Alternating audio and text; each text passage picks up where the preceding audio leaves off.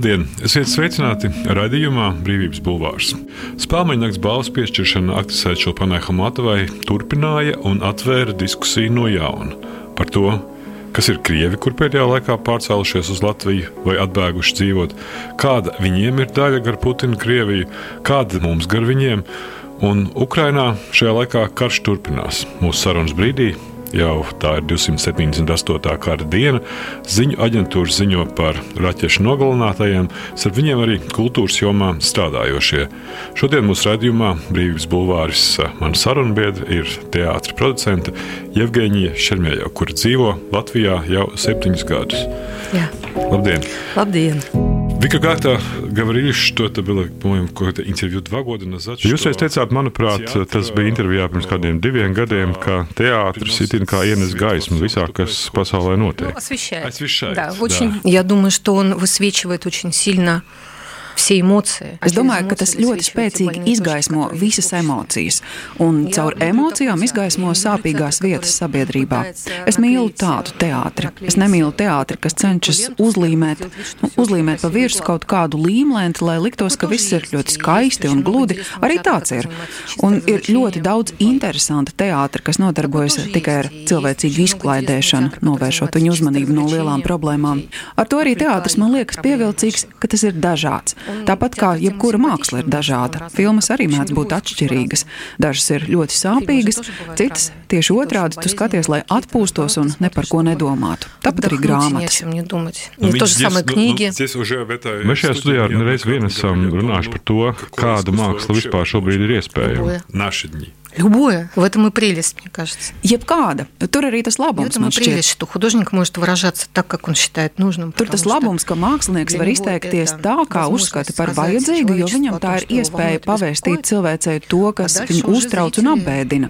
Un tālāk jau skatītāji vai nu to saprot, atzīst un pieņem, vai arī tas viss attiec tikai uz kādu nelielu auditorijas daļu. Man liekas, jebkuram mākslinieka veidotam darbam vienmēr atradīsies kaut kāda auditorija. Vai tā būs liela, plaša Где-то это будет auditorija, vai большая, tā būs широкая, где-то maza, vai где-то būs будет tikai маленькая, viens где-то будет cilvēks. только один человек. Ну, вы знаете, наверное, это выражение Адорно. что Bet nu, после jūs droši vien zināt to Adorno izteikumu, ka pēc Auschwitz zeja nav iespējama. Но это тоже эмоциональное высказывание. Nu, arī tas ir emocionāls izteikums, ko Tas sacīs emocionāli cilvēks, высказывание kas человека, brīdī, который kad šo настоящий frāzi внутренний, izrunājis, который rakstījis vai произносил domājis par to, или писал izjūtis её, или noteikts думал об этом, emocionāls pārdzīvojums, переживал kas viņu определенные noveduši pie tāda определенные izteikuma, taču эмоциональные tas переживания, nenozīmē, которые ka привели ему к tā tas ir такому visiem. высказыванию. Но это не значит, что это для всех. Ну, что может нам искусство вообще помогать? э, ну, Taču man liekas, nu, понять, ko если māksla mums происходит vispār šobrīd var много palīdzēt saprast, ja notiek karš, tiek nonāvēti cilvēki. Ну, вы Чё, знаете, где там место вообще для искусства? Nu, bet если, kur tad nu, там- vēl paliek vieta Вы знаете, mākslā? мои ja reiz? друзья, например, в Киеве сейчас, ну, кто-то мои друзья из них не очень Ziniet, много, piemēram, кто-то mani мои draugi бывшие šobrīd или Kijivā. нынешние Nu, коллеги daļa, nedaudz no viņiem ir mani draugi, daļa ir mani bijušie vai esošie kolēģi. Viņi nu pat Vīnes burgteātrī izsludināja lielu projektu ar nosaukumu Bez viņiem, ar domu, ka vairumam no tiem, kas šobrīd Ukrainā nodarbojas ar laikmetīgo teātri, bijusi liela darba pieredze Maskavā. Tā vai citādi daļa dzīves bijusi saistīta ar teātra dokari Jeļenu Greminu, ar cilvēkiem, kam tā visa bija viena liela kompānija. Un tagad tie, kas aizbraukuši uz Ukrainu, veido savu dzīvi bez tiem, ar kuriem tā kādreiz bijusi ļoti tuva. Un man šķiet, ka tas ir ļoti svarīgs projekts izrunāt šo sāpju un neiespējamību kaut kā turpmāk līdzās pastāvēt. Nu, lūk, viņi ir uzrakstījuši nelielas ludziņas par savu pieredzi, par saviem tuvajiem draugiem, kuri savulaik tādi ir bijuši un kuri tagad zaudēti. Nu, kā lai vēl viņi у izsakās? которых они Caur сейчас mākslu. потеряли. Ну, а как они еще могут высказаться? Через искусство. Jevgeņija Šermiņeva beigusi Maskavas teātris institūtu, bijusi Sevoloda Mērholda centra līdzstrādniece un jaunā Eiropas teātris festivāla netdirektore. Savulaik arī Maskavas pilsētas kultūras departamentā atbildējusi par koncertu organizācijām un 88 teātriem. Kopš 2007. gada dzīvo Rīgā, līdzdibinājusi producentu apvienību Katls, veidojusi vairākus teātros projektus sadarbībā ar māksliniekiem no Baltkrievijas, Ukrainas, Krievijas, ir Lietuvas Nacionālā teātris balva skatuve Zelta Krusta šūrijas locekla, bijusi arī savulaik Latvijas spēļu nakts šūrijā. Вы приезжали в Латвию 7 лет. Jūs atbraucāt uz Latviju pirms gandrīz septiņiem Да, gadiem. я ну, совсем переехала 6. Семь первый год я еще так делила свою жизнь. Jā, между es Москвой pavisam и pārvācos Ригой. pirms sešiem. Pirmo gadu es vēl dalīju savu dzīvi starp Maskavu un Rīgu, jā, bet es iesāku te darboties 2014. gadā. Вы решили, почему? Un jūs to nolēmāt, kāpēc? Ну, было очень много разных событий. Ну, в том числе, ну, как я проработала... Bija 12 ļoti daudz notikumu. Tā с 11 skaitā, по конец nu kā, 13 no в Москве, и 11. очень līdz много понимала, 13. как gada beigām nostrādāju Maskavas pārvaldē, un es ļoti daudz redzēju no iekšienes to, kā tas notiek. Именно что? Kas tieši? Ну, как строится политика, какие люди занимают э, Kā tiek veidota высокопоставленные politika, положения. kādi cilvēki ieņem Люди без augstus amatus. образования, без Cilvēki bez понимания, izglītības, без bez эмпатии. izpratnes, bez Такое empātijas, отрицательное отбор vistīrākā negatīvā atlase. Я помню, меня Es atceros, отправили mani reiz раз aizsūtīja kā как kultūras представитель nodaļas pārstāvis культуры, kaut какое-то kādu совещание, sanāksmi, kas bija saistīta ar dažādām связанное с, Krievijas tautībām. а, связанное Tā bija с разными valsts līmeņa национальностями sanāksme, kas России. noritēja Это был tieši saistē, kāds федеральное sēdēja Kremlī, совещание, kāds оно sēdēja проводилось vēl kaut kur. онлайн. Man bija nes kāpēc jādodas uz сидел в Maskavas Кремле, pilsētas кто-то сидел policijas за iecirkni, uz плечами, galveno no policijas iecirkni, tāpēc, ka tur bija kaut kāda tā telpa, kurā notika sanāksme, no kurienes gāja translācija. Vai varbūt to rīkoja iekšlietu ministrs saistībā ar to, kā risināt ar tautībām saistītus jautājumus situācijās, kad tur vai citur izcēlas kaut kādas problēmas. местах возникают какие-то проблемы. И я помню, что выступал Владимир Лукин, полномоченный был когда-то по правам человека. Es atceros, ka Ja uzstājās sēdēja Vladimirs вокруг меня Lukins. сидели Viņš kādreiz bija cilvēktiesību komisārs. Man apkārt sēdēja Maskavas pārvaldes ierēģi, no kuriem vairums, protams, bija silaviki. Kompānija. Tā man bija pirmā pieredze Как они tādā глумились. kompānijā. Un kā viņi ņirgājās tur sēžot par Lukina uzstāšanos. Turklāt Lukins ir viscaur sistēmas cilvēks. Viņš nav nekāds izteikts opozicionārs. Viņš vienkārši ir normāls cilvēks, kas izaudzis citā sistēmā un domā cilvēcības kategorijās kaut kādā mērā. Kad viņš runāja par to, ka nepieciešams domāt un palīdzēt cilvēkiem no mazajām Krievijas tautām, ka ir nepieciešams atbalstīt viņu kultūru, izglītību, atbalstīt valodas pastāvēšanu, kā ņirgājās visi tie cilvēki, kas turpat sēdēja kopā ar mani. Es neizturēju un vienā brīdī vienkārši aizgāju. Es nespēju tur uzturēties. Es uzrakstīju savam priekšniekam, ka man nav pieņemami atrasties tādos apstākļos, un es aizēju. это Для меня неприемлемо находиться в таких условиях, и я ухожу. Ну, с вашей точки зрения, то, что происходит, это война. No jūsu Putina, viedokļa это raugoties, vai война viss всех notiekošais, vai tas ir Putina karš šobrīd, vai tas ir visas Krievijas karš? Это война Путина и тех людей, которых его злой гений поднял со Tas ir дна. Putina karš Это un ил, to который cilvēku поднял karš, со дна kurus Павла. viņa ļaunais ģēnijs ir pacēlis no padibenēm. Tas ir duļķis, ko viņš ir izcēlis no dīķa dibena un kam piešķīris varu. Ir jāsaprot, ka cilvēki ar daudz maz nopietnu attieksmi pret dzīvi, cilvēki, kas ir kaut cik empātiski pret apkārtējo pasauli, viņi skalojas ārā no Krievijas pārvaldes sistēmas. Jau sen, pēdējos desmit gadus noteikti. Tur nav gadījumu cilvēku. Nav tāpat vien. Ap viņu ir bijušie apsardzes darbinieki bez izglītības, tādi mūžam uzticīgi. Tie ir viņa cilvēki, kas pieņem lēmumus pašā augstākajā līmenī. Par ko viņi var pieņemt lēmumus? Par ko viņi vēl spēj sapņot? Par jaunu dzīvokli, mašīnu un savas ģimenes ērtībām, ne par ko citu. Viņu redzesloks ir aprobežots. Больше ни о чем. Их кругозор ограничен. А те, которые, не знаю, с искусством занимаются, Nu, bet tie, kuri nezinu, nodarbojas vai turpina nodarboties ar mākslu, visi taču nav aizbraukuši. Daudz ir palikuši очень un многие it kā turpina. И Ну, многим некуда продолжается- уезжать, у многих есть родители. Надо жить. Ļoti daudz ir aizbraukuši. Daudziem nav kur aizbraukt, daudziem ir vecāki, ir jādzīvo, ir kaut kā jāpelna nauda. Saprotiet, iet mācīt skolā, kur lai iet cilvēks, kurš visu mūžu ir pasniedzis teātra mākslu. Iet par skolotāju, tā ir viena iespēja, jā, taču tagad visiem skolotājiem ir jāstājas partijā vienotā Krievija un jābūt tā kā padomu laikā, jāiekļaujas tajā kontekstā, ko raksta partijas vadība. Ir obligātas prasības, no kurām nevar izvairīties. Droši vien kāds aizies strādāt katlu mājā, kāds aizies nezinu kur. Tomēr nav jau kur palikt. Tās ķēmīgās, dardzīgās duļķes šobrīd ir izmērētas pa visu valsti. Ja agrāk vēl bija vietas, kur varēja patvērties, tagad vairs nav. Если раньше еще были места, где можно было укрыться от этого, то теперь этого нет. Вы думаете, что это как-то... Es domāju, ka tas šobrīd būtu salīdzināms ar 1937. gadu. Знаете, мне иногда кажется, что хуже. Ziniet, man reizēm liekas, ka ir vēl ļaunāk, tāpēc, ka tolaik cilvēkiem vēl bija kaut kāds iekšējs rūdījums, turklāt vēl sapnis par kaut ko labāku. Šobrīd nav nedz viena, nedz otra. Cilvēkiem vairs nekā nav. Tāpēc cilvēki pārvēršas par bezgribas būtnēm, tieši tāpēc, ka viņiem nav nekādas Потому что у perspektīvas. них нет никакой перспективы. Но мы не слыхали, что там Nu, bet убивают. tomēr nav dzirdēts, ka nogalinātu tādā līmenī kā sarkanā Слушайте, terora laikā. а, Во-первых, убивают. Paklausieties, pirmkārt nogalina. Потому что Ну, Tāpēc, ну, ka- в таких объемах, или мы не Nu, знаем. tādā apmērā varbūt mēs par Нет, to не в nezinām. таких объемах, конечно, но у тебя нет защиты. Ты Nē, не гар- tādā ты- apmērā ne, тебе нет protams, гарантий taču никаких, что с тобой tev nav ничего не случится. aizsardzības, nav nekādu garantiju, ka ar tevi nekas nenotiks. Ja, об этом Nogalina, знаю. un tas ir zināms. Otrakārt, Во-вторых, visa вся policija полиция pievēršas направлена tam, на lai то, чтобы apslāpētu гасить, pretošanos varai, un neviens nenodarbojas ar reālu noziegumu izmeklēšanu. Es domāju, ka bandītisms uz ielām pieaug acīm redzami. Es domāju, ka staigāt pa ielām drīz būs ļoti bīstami. Daudz iemeslu dēļ. Tāpēc, ka liela daļa cilvēku kļuvuši nabagāki, un tāpēc, ka, tāpēc, ka nav kas viņus ķer, un neviens viņus neķers. Un jau sen, nezinu, pēdējos desmit gadus ir bezjēdzīgi vērsties policijā, lai aizstāvētu savas tiesības.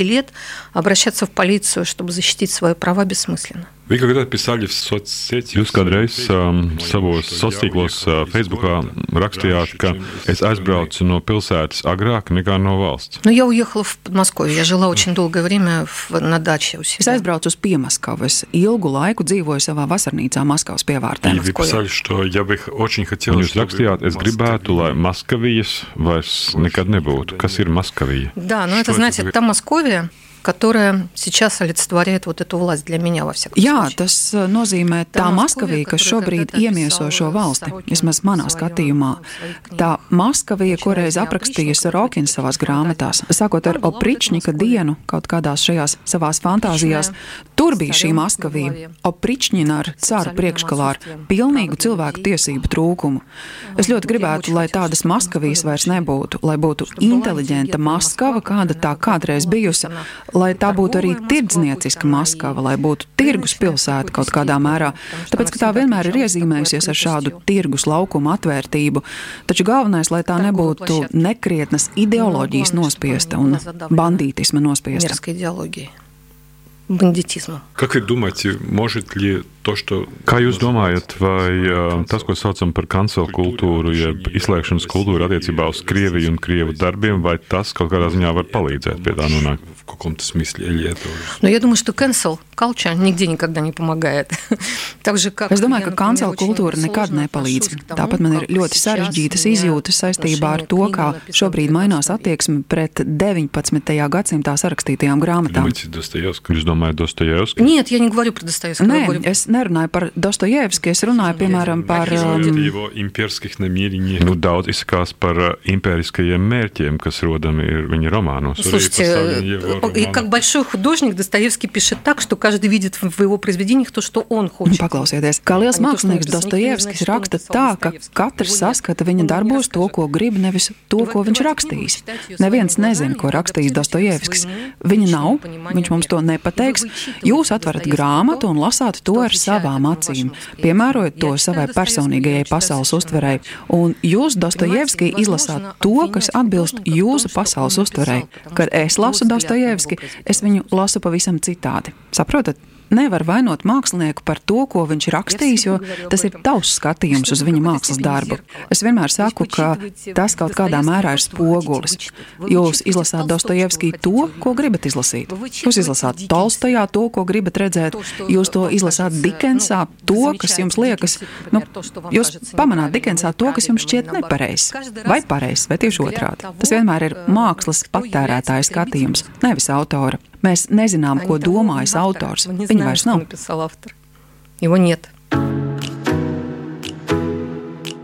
Lēmums pamest Maskavu un sākt jaunu dzīvi Latvijā nenāca viegli, bet tas bija atvieglojums. Redzot, kā uz tiesas soli cits pēc cita nonāk izcili Krievijas kultūras darbinieki. Politisko uzskatu un profesionālo principu dēļ Jevģīnija Šermiņova jau bija zaudējusi darbu Maskavas kultūras departamentā. Vispirms viņa nopirka lauku māju, 100 km attālumā no Rīgas, un tur arī dzīvoja. Mācījās latviešu valodu, kārtoja valodas eksāmenu. Tā pēc pirmajiem trim Latvijā nodzīvotajiem gadiem žurnālam ir stāstīja, teātris zinātniece un producente Jevģīnija Šermaņova. Когда вы переезжали здесь, вы решили изучать латышский? Kad jūs pārvācāties šurp uz Latviju, jūs nolēmāt mācīties latviešu valodu? Я учила его, просто потом случилось, что началась Es to mācījos, taču tad sākās pandēmija. Es paliku mājās viena, man praktiski nebija ar ko sazināties, un tas viss vēl sakrit ar to, ka man uzaicināja strādāt Lietuvas Nacionālās teātra balvas žūrijā, un es daudz enerģijas un laika tērēju braukājot uz Lietuvu un lasot lietuviešu tekstus ar automātiskā tulkotāju skolotāju palīdzību ar vēl citiem paņēmieniem. Šobrīd manā operatīvajā telpā ļoti daudz laika aizņem lietuviešu māksla.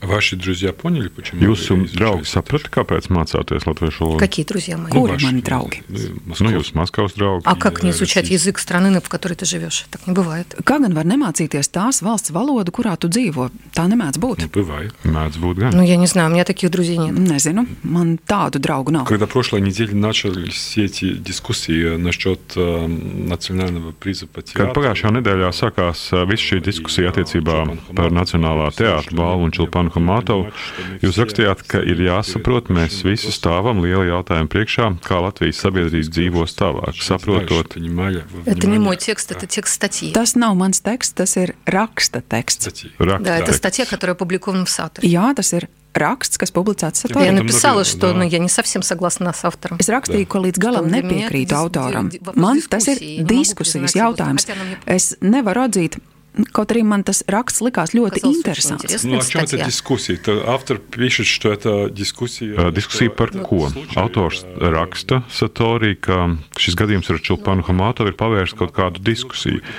Kā jūs redzat, kas tad ir šīs diskusijas В чем jēga? вы видите смысл этой Мне дискуссии? кажется, то, о чем он пишет, что необходимо понимать, что Man šķiet, tā kā Nu, viņš tā kā raksta, iначе уже ka ir всё равно nepieciešams находимся вместе. saprast, tā vai citādi mēs visi atrodamies Делать вид, что kopā. нас нет, Mēs esam невозможно. šeit. Un ir neiespējami izlikties, ka mūsu nav, izlikties, ka mēs Tā es domāju, ikvienu no mums, jūs, mani, Hermanis, Alvi Hermani, nezinu, skatītāji, kurš šo, izrādi skatās trešajā rindā, mēs jebkurā gadījumā atrodamies visi kopā un izlikties, aizvērt acis un teikt, it kā tā nebūtu, tas man tiešām šķiet autoram taisnība. Tas, ka šī balva izsaukusi diskusiju par jautājumu, ko darīt ar cilvēkiem, kas dzīvo šeit kopā ar mums un kuri mums tā vai citādi var būt nesimpātiski, mums var nepatikt kaut kāda viņu uzvedība, bet mums taču ir kopā jādzīvo. Ko darīt? Un šī diskusija man šķiet ļoti svarīga. Saprotiet, kad saka, dodiet darba iespējas tikai Ukraiņiem. Kāpēc mēs izslēdzam no šī diskursa Baltkrievus, kuri aizbraukuši pirms diviem gadiem, būtībā bēgot no nāves soda? Ja? Jo mēs taču saprotam, ka cietumos viņus piesita līdz nāvei, un ļoti daudzi aizbrauc, taču šobrīd viņi ir beztiesīgi. Par viņiem visi aizmirsuši. Viņi ir pielīdzināti valstī, kas atbalsta Putina režīmu, taču viņi nav tādi. Viņi ir aizbraukuši pirms diviem gadiem, glābjoties no vajāšanas. Tomēr viņiem nav nekādu iespēju. Они уехали два года назад, спасаясь от преследований. Но у них нет никаких возможностей. Артис Svets, философ, этой статьи на Саторе. Filozofs Arts Svets, jūsu pieminētajā rakstā Satorī izvirzīja jautājumu, kādā mērā mēs varam atdalīt mākslinieku, aktieru, režisoru personību no viņa darba, no tā, ko viņš ir Не izdarījis. можем. Не можем, конечно. Но, на мой взгляд, мы не можем это отделять. Nevaram, protams.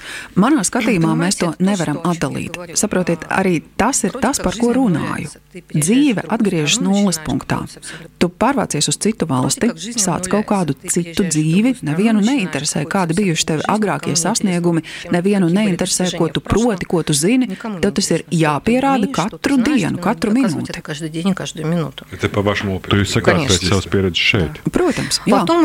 Потом это каким-то образом опять Pēc tam tas kaut kādā veidā atkal kaut kā parādās un palīdz tev dzīvē, taču kaut kādā brīdī tu saproti, ka ir bezjēdzīgi apelēt pie bijušā. Tomēr tas nenozīmē, ka tā visa nav bijis. Tas tik un tā vienmēr ir ar mums. Viss, ko mēs esam izdarījuši, labu un neiedzīgu, sliktu un apšaubāmu, brīnišķīgu un cilvēcīgu un kļūdainu, šī pieredze mums nāk līdzi. Tā vai citādi tā ir mūsu velce. Un uh, nav iespējams mūs atdalīt no tā, ko esam izdarījuši. Mēs paši nevaram sevi no tā Того, что мы atdalīt. сделали, невозможно. Это мы сами не можем отделить себя от этого. Когда вы смотрите, не знаю, спектакль... Bet, kad jūs skatāties, piemēram, izrādi postscriptum, mēs skatāmies uz Čulpanu Humātovu, ar kuru jau ir noticis viss, kas ir Нет, noticis ну, līdz конечно, šim когда мы brīdim. смотрим- Нет, я- смотрите, я сказала про э, личность, про человека. Nē, redziet, es runāju par cilvēku personību. Es nerunāju par to, kas ir tēls un kas nav. Tāpēc, ka runājot par mākslinieku, tā tomēr ir tā personība, kas maina telpu. Taču aktieris atrodas nedaudz citā sistēmā. Viņš izpilda autora uzdoto uzdevumu, un tas, ko redzam uz skatuves, protams, tā nav Čulpana Hamātova, tas ir viņas tēls, loma, kuru viņa radījusi. Mēs nevaram teikt, ka pati Čulpana Hamātova mums stāsta, kā viņa novedusi meitenīti līdz pašnāvībai. Pareizi? Но теперь мы оцениваем не роль, а Bet tagad mēs šajā diskusijā vērtējam nevis lomu, bet personību. Нет, но мы же не можем говорить о том, что на сцене происходит с точки зрения того человека, Nē, mēs taču nevaram uz skatuves notiekošo apspriest no tā cilvēka skatu punkta, kurš tur atrodas. Tur atrodas nevis cilvēks, bet gan profesionāls skatuves mākslinieks, kurš izpilda savu lomu. Tā nav Čulpana Hamātova. Viņa kā aktrise izpilda kaut ko citu. Tas nav viņas teksts, nav viņas uzvedība, nav viņas tēls, tas, ko tur redzam tā nav viņa. Nu, bet, es nezinu, saistībā ar kinozvaigžņu uztveri tiek uzskatīts, ka skatoties uz vienu lomu, viss aktieru iepriekš darītais arī atstāja iespaidu uz mūsu maņorgāniem, uz to, kā mēs uztveram.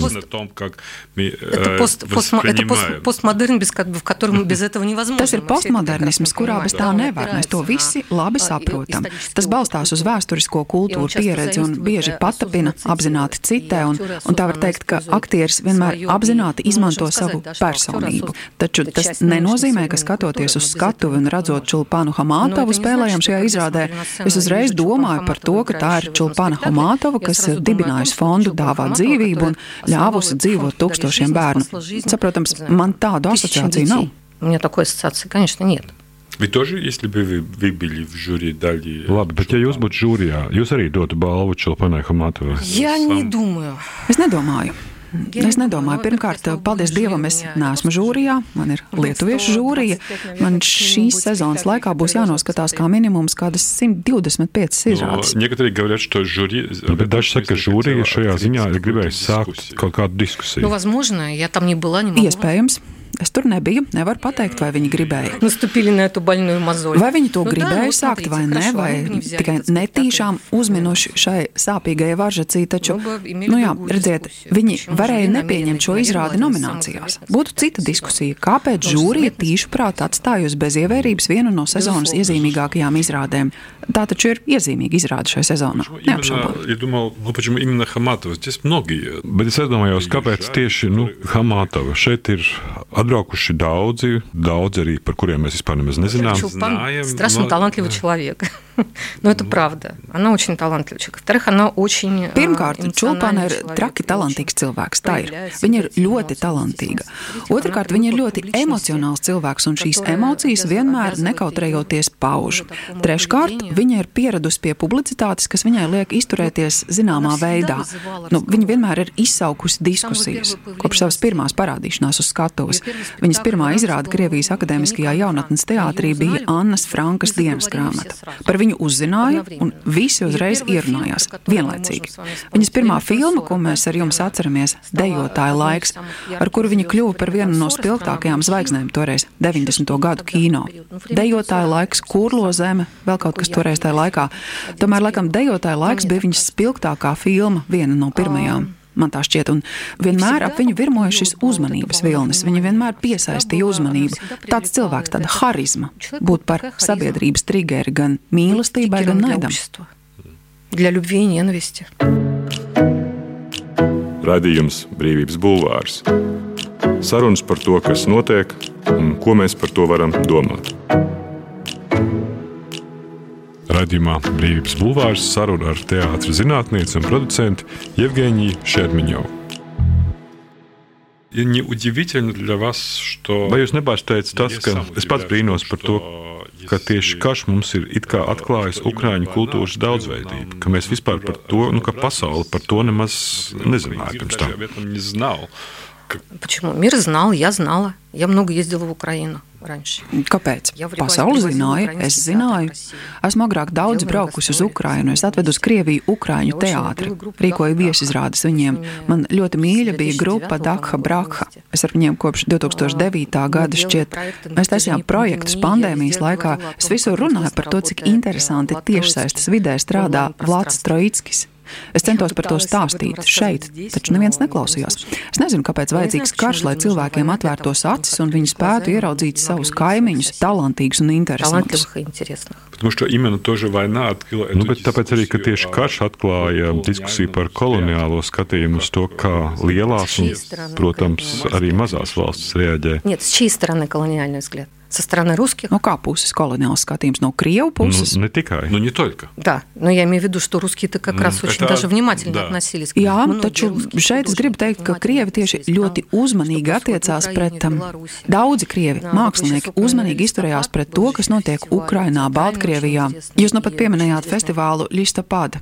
Bija vēl tāds ārkārtīgi interesants teātris festivāls un ļoti interesants Centrs mūsdienu современной dramaturģijas dramaturģijas, centrs, ar ko par sadarbojās Jeļena Jeļena Gremina un Gremina Mihails un Ugarovs. Ugarov. Jeļena Gremina un Елена Mihails Гремина и Ugarovs Михаил uztaisīja сделали izrādi пьесу par по 2010. итогам gada событий notikumiem 2010 Baltkrievijā. года в Беларуси. Вы знаете, что было в Беларуси в 2010 году? Jūs zināt, kas notika Baltkrievijā Nē. 2010. gadā? Neatceros. Были выборы, на которых Владимир Никляев, paiet. Bija vēlēšanas, kurās dzinieks Vladimirs Nikļājevs izvirzīja savu kandidatūru kā opozīciju Lukašenko.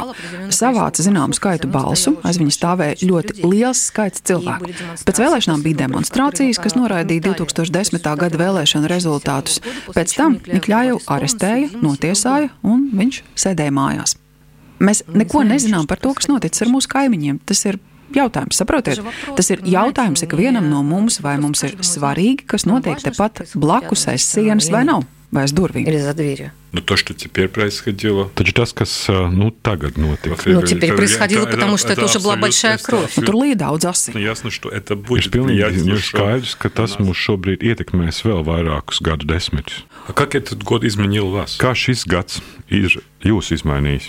Ну, я очень устала просто. Es vienkārši esmu ļoti nogurusi. Это не изменение, это Nu, tās jau nav izmaiņas. психологическое Tas ir состояние. psiholoģisks vai fizisks stāvoklis. У меня просто мало сил, и мне, не, х- мне очень не хватает на то, чем я хотела бы заниматься. Я просто очень Man устала. nepietiek spēka tam, ar ko es gribētu Šie nodarboties. Es vienkārši esmu ļoti nogurusi, jo es šogad ļoti daudz esmu darījusi, esmu centusies darīt. Un, Kā lai pasaka, maijā mēs izlaidām tiešsaistes izrādi ukraiņu valodā. Mēs to ierakstījām šeit Rīgā. Tie bija četri ukraiņu aktieri.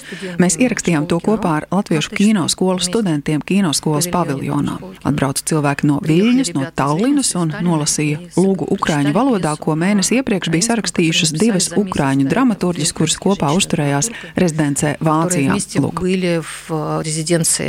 В Германии. Так что мы это записали в мае, потом это все To mēs ierakstījām maijā. Es taisīju to, pēc tam to visu publicēju. Tā ir brīnišķīga lūga, kaķi bēgļi. Vienkārši burvīga. Pēc tam, ko pēc tam es vēl darīju, pēc tam mēs pēc debatēm par pieminekli es atradu vecu lūgu uzvaras diena, kuru savulaik sarakstījis Mīša Durņenkaus, un kurā aprakstīts vēstures piesavināšanās process no mūsdienu vadītāju un menedžeru puses. Un kā tas viss pārdots un pirkts, un kā cilvēki ar to manipulē, un kā tas viss iziet cauri milzīgām mārketinga dzirnām, un kā Barbara svētums kļūst vienkārši par pārdodamu preci. Mēs to nolasījām Krievu valodā ar aktieriem no Tallinas, no Viņas un Rīgas. Tā lūga ir rakstīta Krievijā. Tā stāsta par to, kā valsts vara privatizēja uzvaras dienu un tirgojas ar to. Un, jā, tas bija ļoti interesants darbs. Bija ļoti dažādi dalībnieki, lieliski aktieri. Aktieri nāca no trim Krievu teātriem. Pēc tam mēs atvedām šurp viesizrādēs teātri no Kīvas, Rimu, Zjūru. Zjobinu un viņas kolēģi. Viņi brauc uz Helsinkiem. Viņus ielūdza Ukrāņu kopiena Helsinkos, apmaksāja ceļu. Es teicu, jūs taču tik un tā brauksiet caur Rīgu. Viņa atbildēja, jā. Es teicu, tad palieciet vienu dienu, es jūs paturēšu, nospēlēsim te jūsu izrādi, jo es gribu, lai visi tevi ierauga, kāda tu esi aktrise. Mēs spēlējām ģērtrūdas ielā, bija pilna zāle. Tur zāle nav liela, droši vien varēja spēlēt arī lielākā zālē. Es tā domāju. Viņa lūdza nevisai lielu, tāpēc spēlējām tur. Но она просила не очень большой, поэтому мы играли там. Понятно. Спасибо вам. Paldies! Пожалуйста. Paldies jums! Brīvība ir brīvība. Nevienlīdzība, vai taisnīgums, vai kultūra, vai cilvēks laime. Tā teica Iesai Berlīns. Sarunas ar brīvas apziņas un ideju cilvēkiem raidījumā Brīvības bulvārs.